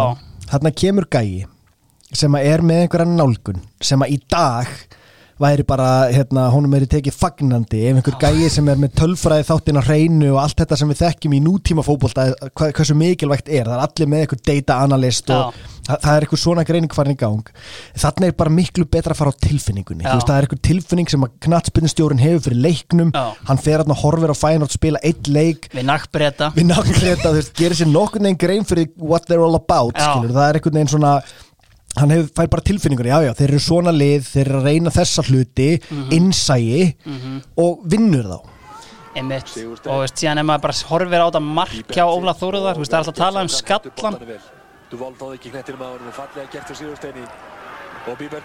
Haraldur Ingolfs með geggja sendingu upp í hotni síðan er þetta bara algjör gull bolti frá snóðum Bíbersitt þetta er bara geggju só og það er líka bara geggjað að hann hafi bara er, já, ég er búin að sjá hérna nóa mútið nakkbreyta, við spilum bara okkar leik. Bara við há tökum við þetta. En þú veist, þetta er náttúrulega hérna, algjörlega ruggla og hérna síðan tapaði setni leiknum 3-0 þú veist, en, veist, sigurinn var unnin fyrir íslensku þjóðin einhvern veginn. Já, og ég meina, þetta er hérna þeir sem er að hlusta, þeir fara bara inn á YouTube og, og finna þetta. Já, já, þetta er- hendum þessu þetta er- líka ítarefni inn á Facebookinu Já. og eitthvað svoleiðis. Ég meina, þetta er mark sem hættir að horfa aftur og aftur. Já. þetta er geðvikt Klárt. Detail, veist hvað er markinu hjá Fænort Nei, Eddu Hói vá hann, hann, sen, ok, það er gæi sem myndi sennilega rata inn á lista yfir heitustu karlmenn Íslands 1993 Hann er alltaf mjög sambarilegt lúk og hjóm Baltin bara hann er nákvæmlega eins og við veitum hann aðeins meira yfirbytt Já, einmitt, aðrir Európuleikir uh, Valur mætti Aberdeen uh, svona ákveðin vinafélag og hérna náttúrulega besti vinur begja félaga James Bett var í byrjunuleginu já, uh, og ákveðin hérna David Vinny kom inn á setna meir K.R. Legend, meir um hann síðan og það sem batt vörnin hann hjá Aberdeen Alex McLeish oh, Valur átti ekki róði í þetta vá síðan mætti K.R. Uh, MTK Budapest í frekar ómerkilegri viðregn og töpuð því eins og flestu að ná þessu tímanbili já, uh, þá einhvern veginn erum við kannski tæmdir í þessum leikjum uh, en Túle uh, þeir eru auðvitað upprunalega Ísland Já. og þeir ætla að bjóða okkur upp á landsliðið aðeins uh, Túle í þúsund ár Íslands þúsund ár, Túle þúsund ár segja þér, stránkeiðarleir þetta er alltaf eldgammal bjórna lengsta viðveran sá elst og virtasti. 93 fyrir íslenska landslið við erum í ABM treyjunum, við gátum ekkert. Nei. við gátum ekki neitt. Ef maður horfir á úslitin við uh, ég held við höfum ekki unni leik uh, gerum hann að stert í aftöflu við Bandaríkin í æfingarleik Jú, fyrir ekki, við unnum eitt leik við Luxemburg 1-0 sem Ég sko- fellur algjörlega í skuggana því að við gerum líka jafntefli við Luxemburg sem er úslit sem að fljúa algjörlega undir ratarinn okkur er það ekki rætt meira Þetta er, ég svo Lichtenstein Já, basically, er talað um sko bara á hverjum degi nánast en veist, við gerum jafntefli við Luxemburg En Ég, sko, ég er ennþá að jafna mig eftir mólan í sensta þætti með að Arnur Guðunsson hafi ekki unni landsleik Já, þú veist, er, er þetta inn í því? Er hann að spila á hann Luxemburg-leik? hann er búinn að vinna þarna sko Já, en ok. ef við bara hérna flettum þess bara upp hérna. Uh, þetta er bara móli sem að ég, ég, ég bara svaf ekkert. Þetta var fáránlegu móli. Við skulum bara fá þetta staðfætt hérna hvað eru nákvæmlega margir ég meina- leikir. Við köttum bara hérna á veist, ef ég er lengi að finna þetta. Maður sjá. Hann skráður í breyðablík í dag. Gucci.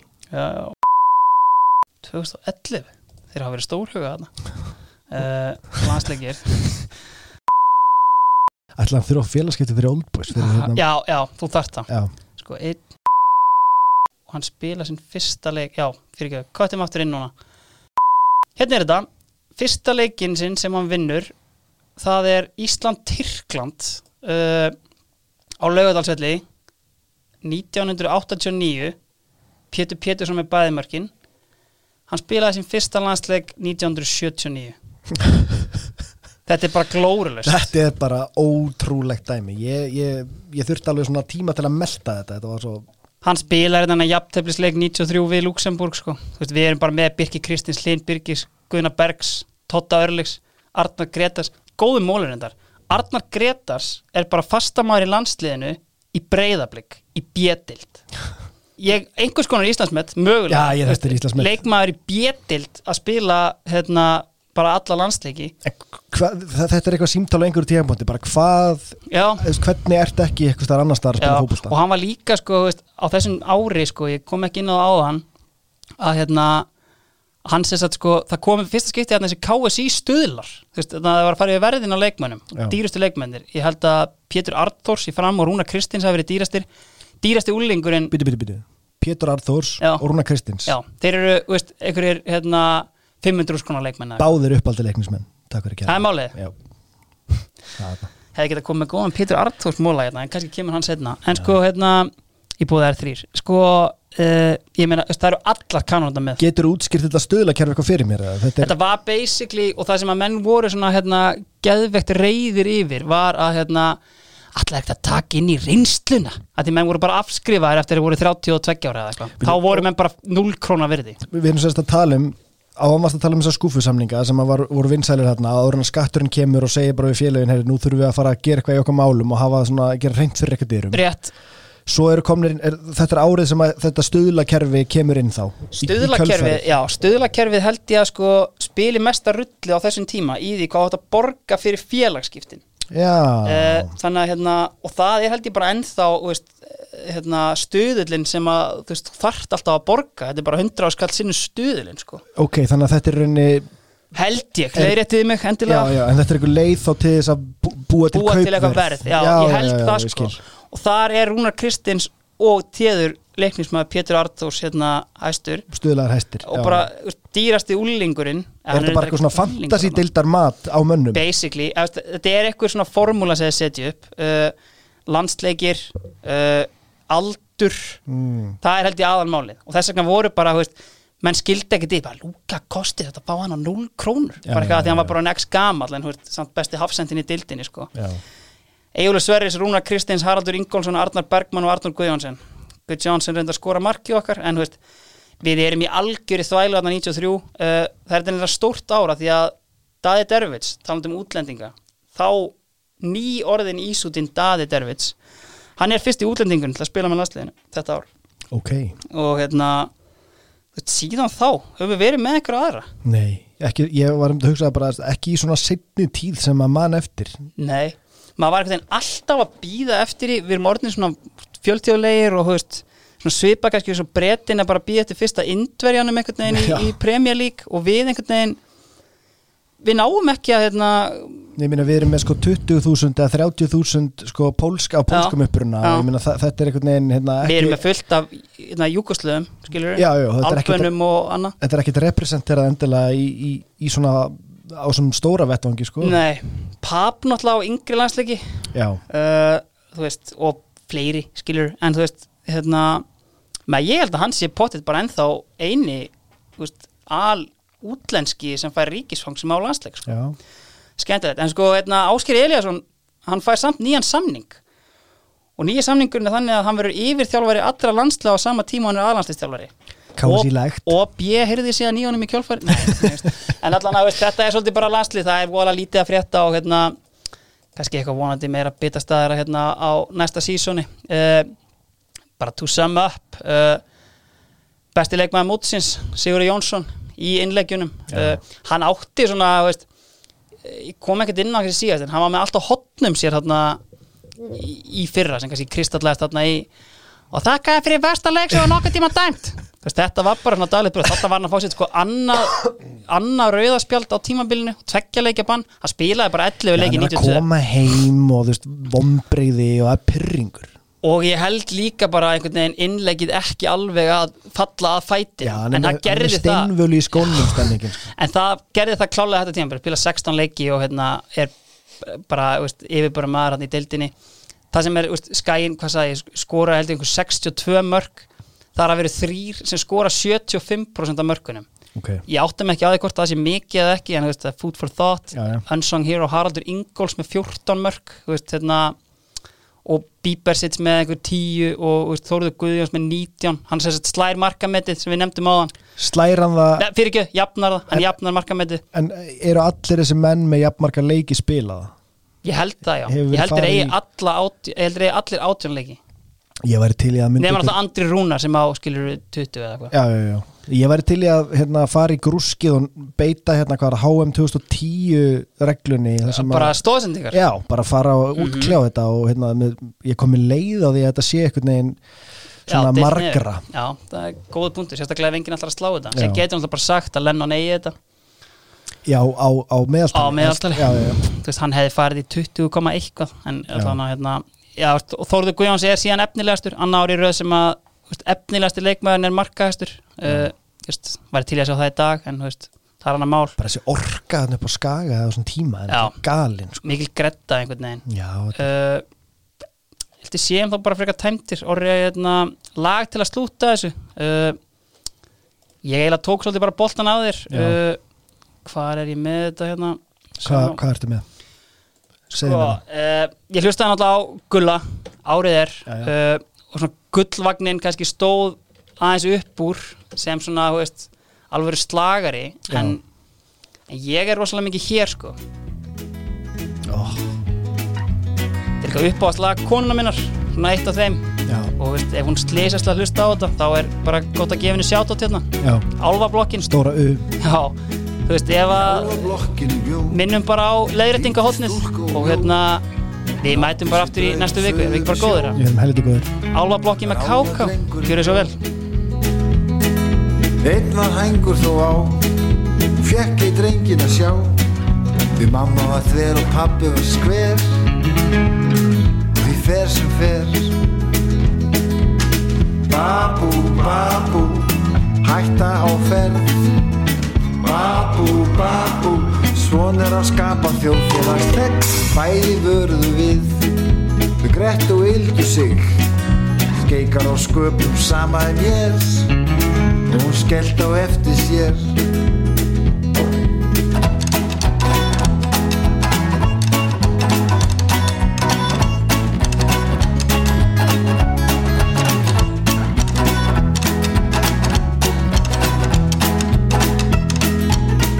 Eitt sinn upp hún stóð. Með halleluja hljóð. Hún hafði þá séð eitthvað sætt. Eitthvað bitastætt. Babú, babú, hætta á ferð. Babú, babú, svona er að skapa þjóðfélagstegn og mamma má ég fá? Drengi minn að sjá. Ég kem á eftir, ég verð ekki hún kom ekki heim. Af þessu það má læra húsbændur og hjú Allir eru skrýtnir. Og líka þú